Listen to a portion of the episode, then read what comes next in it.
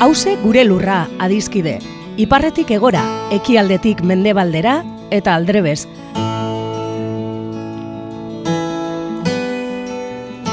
Lurra bakarra dugu edo gaituen lur bakarra da hause. Eta zaintzak dan hori dagokigunez, hemen horretaz egingo dugu berba. Lurraren zaintza kontu ekonomiko, ekologiko eta politikoa da, baita kulturala, kolektiboa eta publikoa.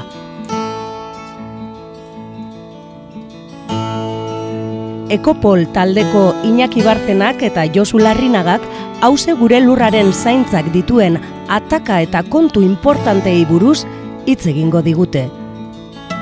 Lurrosoaren erasoak ezin garaitu zezakeen hiri bat ikusi nuen ametxetan. Entzuleok agurta erdi, e, hause gure lurra irratza joan e, gaude, berriz ere, eta Iñaki Ibarzena, ekopoleko laguna, e, gaur, e, bueno, gai berri bat ekartzen digu, Iñaki, kaixo? Bueno, kaixo, Josu, hemen e, berri berri ez dakit, baina gaur hitz e, konzeptu, hitz edo konzeptu anglosajoniar bat ekartzen dugu greenwashing. Greenwashing da zuriketa berdea, euskera, zuriketa berdea. Ez? Eta, bueno, e, greenwashing eta diskurso ekologikoa, eta azpititulo moduan, ba, bueno, gustatu zait, e, Antonio Turielek aste honetan e, emandako, bueno, e, beste itzaldi batean esan duen, negazionismotik negozionismora, ez? Hori da daukaguna.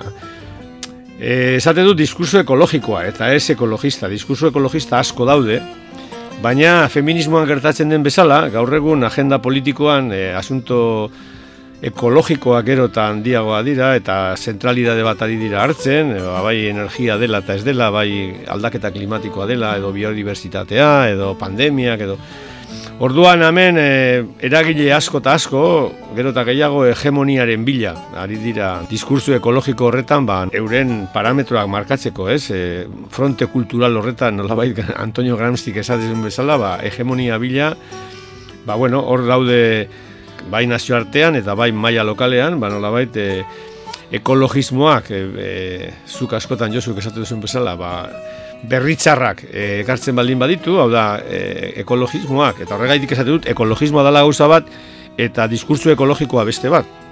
Ekologismoak behin da berriz esaten du kontsumokeria eta produktismoa eta industrialismoa direla arazoa eta hoiei e, erantzun behar zaie.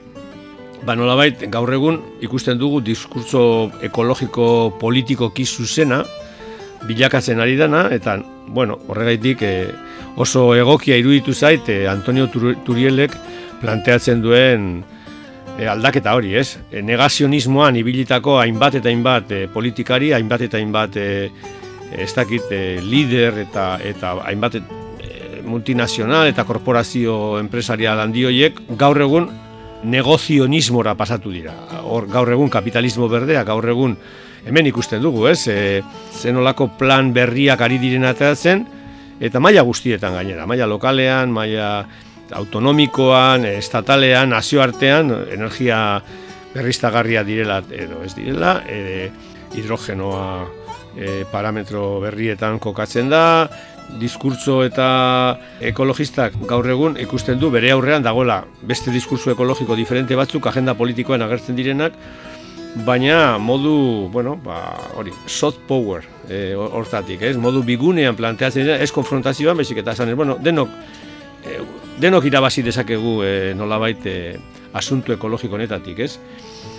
Tentzioa ikusten dugunez mantentzen da, ikusi dugu duela gutxi, ba, ez dakit, ama mila pertsona manifestatu dira Madrilen alientek e, bidalitako, bueno, Espainia osotik, ez, e, jendea joan da, ba, burgosetik, emurtziatik, e, euren herrialdetan, hau da, e, euren nekazal arloetan, ba, megaproiektu energetiko berriak, berriztagarriak tipo, tipo horretakoa direnak, ba, bueno, ailegatzen zaizkila eta hori, ez. Baina, asuntoa da, nondik dator e, korronte berdea, nondi dator greenwashing berria, nondi dator ne, negozionismo berria, ez, pues, bueno, oso zabala da, eta, bueno, hori nazio batuen diskurtzotik eh, edo nazio diskurtzoen nazio batuetako diskurtzo berde horretan oinarritzen da Europar batasunak betidanik izan du lelo hori hau da Europa Europar batasuna China Brasil, eh, Estatu Batuak edo beste potentzia baino berdeagoa dala, ez? Eta gero, bueno, ikusten dugu, ba, bueno, korporazio multinazionalek ez bakarrik eh, kolore berdea, ez bakarrik eh, greenwashing hau eh, erabiltzen dutela. Berdin eh, eh, purple washing, eh, feminismotik, edo, edo pink washing, edo, hau da, eh, erabiltzen dituzte, ba, euren negozioak egiteko, ba, kolore guztiak, bai feminismoarena, edo bai homosexualena, edo bai mm, ekologistena, euren produktuak, euren, e, euren korporazioak, euren instituzioak inguru giroaren aldekoa direla, ez? Eta ikusten dugu alde guztietatik agertzen direla ba, bio, eko, berde, e, konsumorako produktuak alde guztietatik dana da eko, kotxiak, e, dana da bio, e, elikagai guztiak bioenergetikoa dira, dana da berde, produktu guztiak, arropa, da. hori da nolabait gaur egun sortu dan moda bat, eta hori, badirudi, negazionismoa bukatuz doala, e, ja oso jende gutxik bukatzen du krisialdi ekologiko, energetiko edo biodiversitatearena, eta hor, e, zientziaren e, funtzio bikoitza oso importantea da, ez? Zientziak bebai laguntzen du, nanoteknologia kasu edo biodivers edo edo ingenieritza genetikoa eta bar eta bar laguntzen duten nolabait ba bueno alde batetik e, kapitalismoaren e, dimentsio komerziala horiek berdetzeko eta baita ere orain ikusi dugu ba bai ba, zientziak batzutan ba, babesten du e, oso gutxi gutxiago baina bai e, baita ere ekologista ekologismo sozialean oinarritzen diren e, e, politikak be bai ba, ba defendatzeko adibide bat, ba, uda hontan e, nazio batuetako klimarako international panel horrek esan du kapitalismoarekin ezin dela eldaketa klimatikoa e, frenatu. Ez, labait, e, bueno, e, jarraitzen bali badugu askunde ekonomikoaren bideetatik, ba, ez dago la zer egitek, ez? Eta, bueno, ba, bigarren e, komentario moduan esango nuke, ba, nola bait, e, greenwashing hori edo zuriketa berde hori, eta grazia egiten dit, e, nola bi kolore horiek agertzen dira, ez? E, hau da, zure posizioa zuritzeko berdea erabiltzen duzu, bueno, edo lehen esan dudan bezala, ba, feminismotik tiratuz, ba, ba, lila e, erabili daiteke, ez?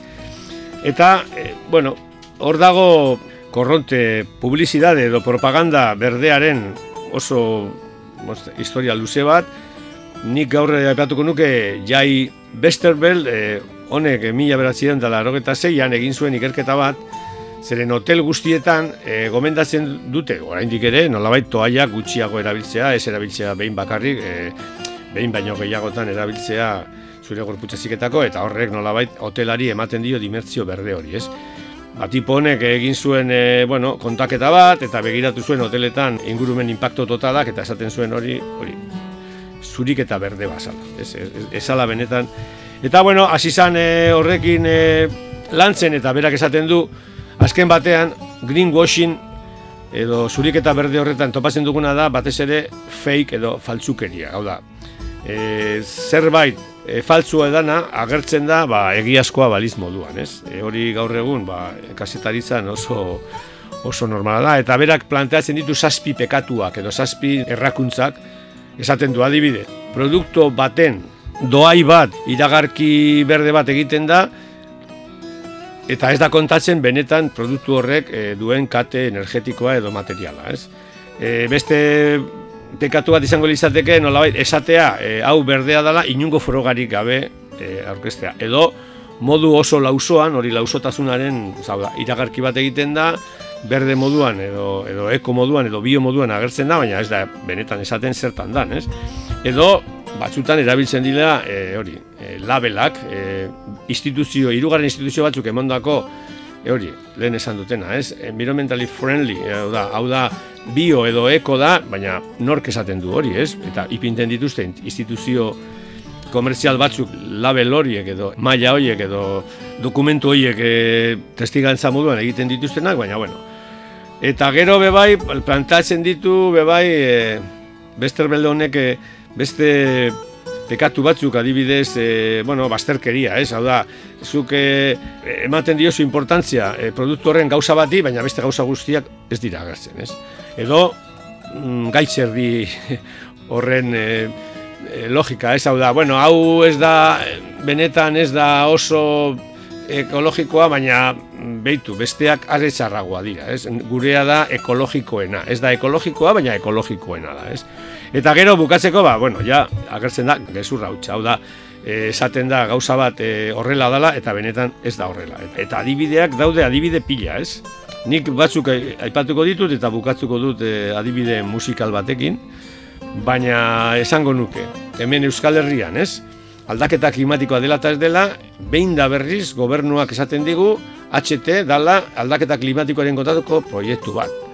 Eta esaten duzu, jode, ba, duela, duela amala amabust urte hasi ziren obrak, eta zenbatu behar ditugu zenbat deseo bitonak e, e, izuri diren, eta, eta kontabilidade hori eraman. Ez momentuz, ama bostute pasadira, kristolezko obra eginda, eta e, kamioi bat bez ez da kendu e, errepidetatik.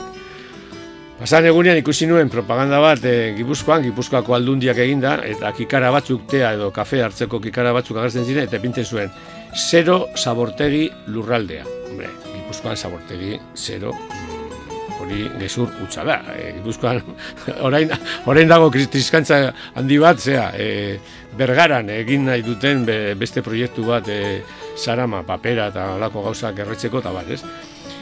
E, gogoratzen dut oso ongi, ez dakit, pentsatzen duzu bebai oso, e, azkenengo kop hogeta bost Madrid, bueno, Txilen izateko zan, eh? Santiago de Chile, baina Txilen eskan ziren eta Madrid ekarri zuen e, Pedro Sánchezek. Eta hor, e, konferentzia, nazioateko konferentzia zabaldu zen egunean, e, e, Espainiako egunkari guztietan, e, irrati guztietan, leku guztietan agertu ziren Endesa, Iberdrola, kompainia nagusia hau esan ez gu gara soluzioaren parte, gu gara soluzioaren parte nagusia, hau da. Endesak eta Iberdrola konponduko dute krisi ekologikoa, ez hori, bueno, kampaina hori e, izugarri handia zan. E, entzuleak ogoratuko du, duela lau bospasei urte, e, Volkswagenek egin zuena e, bere katalizadorekin, ez? Esaten zuten Volkswagenek e, kotxe berdeagoak, garbiagoak egiten zituztela, baina gero ematen zituzten datuak datu faltsuak ziren, ez? Eta orduan datu faltsu horiek esaten zuten motore garbi horiek benetan eta bueno, gero bai Alemanian bai mundu osoan Volkswagenen kontrako prozesu judizialak zabaldu ziren propaganda zikina egitearren.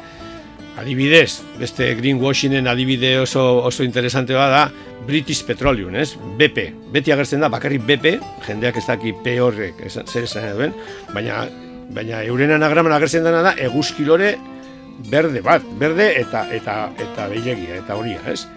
Orduan, erabiltzen dute simbolo natural bat, benetan saltzen dutena petroleo da, danean, ez? Ba, bueno. Eta bukatzeko, komentatu nahi dut, bazar egunean irratian entzun nuen, eta gaur e, goizean egon naiz e, begiratzen interneten eta topatu dut Coldplay e, talde e, bueno, e, musika talde honek datorren urtean e, tour e, bueno, mundial bat egingo duela e, The Spheres World hau da, e, munduaren esferak ez? Eta orduan e, bere asmoa da e, zarrera bakoitzeko e, zuaiz bat landatuko dutela ez eta e, euren kontzertuetan tea, eh? tea saltzen duten bakoitzean, diru aterako da, prozesu kanpaina eta mundu osoan proiektu berdeak e, elikatzeko, ez? Orduan, hor ikusten dut e, alde batetik ondo iruditzen zait, iruditzen zait, e, olako talde famatu batek munduan zehar jende askori transmitituko diola, nolabait, gure konsumoaren aldaketa eta gure portaeraren aldaketa beharra, alde horretatik, pentsatzen dut, ba, aldaketa kulturalerako onuragarria dela, baina beste alde batetik, iruditzen zaiz zurik eta berdea, zeren azken baten, zu jarraitzen duzu, betiko moduan, gauzak egiten modu grandioso baten, eta kristolezko desplazamenduak, adibidez hauek, gustatu zait, ez, esaten dute, euren kontzertuen e, gastu energetiko nagusia direla, kontzertuetara doazen pertsonak, milaka pertsona, oie, mugitzen diren e, e, einean, ez? Eta orduan eu, e, euren e, entzulei, euren jarraitzailei bebai transmititu nahi dietela mugitzeko edo garraio eredu diferenteen e, bueno, erabilerak eta bar, ez? Alde horretatik, ba bueno, esaten dut. E, iruditzen zait e, gauza ambivalente bat, ambiguo bat, alde batetik ikusten dut bere alde ona, baina dudarik gabe beste inferentzuan ikusten dut e, greenwashing e, ariketa importante bat, ez orduan, bueno, ba, jakin beharko dugu bizitzen e, ambivalentzia horretan, edo jakin beharko dugu bereizten ale honak eta ale esain honak. Ez du inaki. E, karo, ja egia esan ez nuke jakingo esan ez e, zer den okerrago e, diskurso ekologistarako ez da, ba, hori, ba, esaten duzuzuk nik askotan esaten duela nola bait hori, ekologismo izan dela askotan berri txarren emailea eta horrek beti refusa sortzen duela edo hori askotan leporatu zaio, ez da, e, bele beltza izatearena, baina deskalifikazio merke hori merke, baina oso efektiboa dena, hain zuzen ere, segurazki gure sistema kognitiboetan ere oso, oso pres gaudelako beti hori albiste txarrak e, astutzeko eta zera positiboekin gelditzeko, hori txarra bada, eta nola baite alako desesperantza bat sortzen badu, zure diskursoa ere erabate kooptatuta denean, e, hau da sistemak erabate lapurtzen duenean, eta hori gertatu zaio diskurso ekologistari azken urteotan, ezta? eta azken azken azkenotan argi eta garbi ikusten da hori, hori ere sekulako ba, ba hori, sekulako kaltea da, kaltea da bai bai nirustez, e, gaur egun ez dakite hori gauden kolapso orokorrearen beste seinale importantea den jendeak ez du ezer sinisten ez du ezer sinisten e, sistemaren aldetik edo politikarien aldetik edo segurazki ere enpresaria hundien aldetik eta e, nola baite sinisteko joera oso handia da eta orduan e, hoiek ateatzen badute hori ikur berdea ba, are kaltegarriago izan leke. Bai, hori da gure, gure dema, ez? Gure, hau da, betidanik poteretzuek e, zurgatu egin dute askatasunaren bila edo berdintasunaren bila altzatzen direnen diskurtsoak. Hori da, historikoki planteatzen den e, sintoma bat, zuk esaten duzu, bueno, gaur egun gainera, e, bueno, e, espektakuluaren gizarte hontan, Korporazio Nazional Iberdrola eta Repsol eta Endesa eta hauek e, berdez jantzita gertzen baldin badira esan ez, bueno, krisi ekologikoa gu konponduko dugu, e, negozioa egiten gainera eta negozioa denon artean egingo dugu. Ba bai, hori hori oso sintomat sintoma txarra. Ikuste dut hor, bueno, alde horretatik ikusten dugu e, komunikazioaren borroka oso asimetrikoa dela, ez. Eta bai, hemen bezalako irrati honetan, ba, bueno, gure kritikak eta gure ikuspegi eraldatzaileak markatu baina bueno, zoritzarrez e, irrati hau bezalako asko ez daude, ez? Badaude, badaude zirrikitu batzuk, baina burruka oso David eta Golieten artekoa da, oso, oso asimetrikoa da indarrak. Baina bai, bai, ikusten dut, e, eta horregaitik, e, bueno, komentatu nahi izan dut hau, gizarte eta naturaren arteko harremanak oso, oso txarto doaz, baina hori aldatzeko, ba, nolabait gizartean aldatu behar dugu gauza pilo bat, eta horrek esan nahi du, e, asunto ekologikoak ezin direla asunto sozialitatik e, separatu, ez? Orduan, e, beti da behin da berriz esprimatzen dugu eko e, ekologia soziala edo ekologia politikoa edo ekosozialismoa hor daudela, hor daudela nolabait, e, bueno, irtera irtera osasungarri edo edo justuak, ez? Baina bai, Zorizarrez, ba, gaur egun, ba, kapitalismo berdeak e, bere atzaparrak erakusten ditu eta oso oso indartsua dira. Eta nik uste dut horren aurrean ba, bueno, ekologismoak erantzun behar du.